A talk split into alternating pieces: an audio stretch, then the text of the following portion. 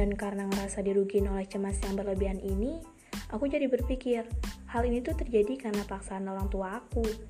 Seharusnya aku gak ngalamin kesulitan-kesulitan ini, tapi orang tua aku selalu bikin aku berada di kesulitan. Mereka selalu maksa aku ngelakuin apa yang mereka mau itu. Dan hal ini nge-push aku jadi marah sama orang tua aku. Aku ngerasa di sini aku korban. Aku ngerasa mereka jahat. Dan karena pikiran negatif ini, aku jadi gampang marah sama mereka.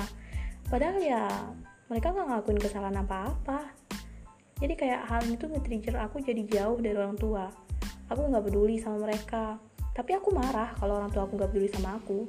Aku marah kalau kemauan aku gak diturutin dan aku selalu nyalain mereka. Sampai akhirnya aku sadar bahwa pemikiran-pemikiran aku selama ini salah. Pemikiran aku selama ini jahat banget. Orang tua aku udah ngelakuin apa yang harus harusnya mereka lakuin gitu mereka udah kerja keras buat aku dan kesulitan-kesulitan yang aku alami itu oh my god. Kalau aku ngerasa sulit orang tua aku lebih sulit dong. Kayak ya ampun masalah yang aku hadapin itu nggak sebanding sama masalah yang orang tua aku hadapin.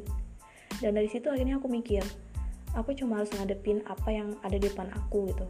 Aku nggak boleh nyalain siapa pun. Bahkan aku nggak boleh nyalain diri aku sendiri.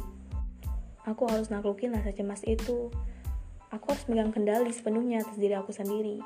Aku nggak boleh biarin kecemasan-kecemasan itu ngancurin diri aku.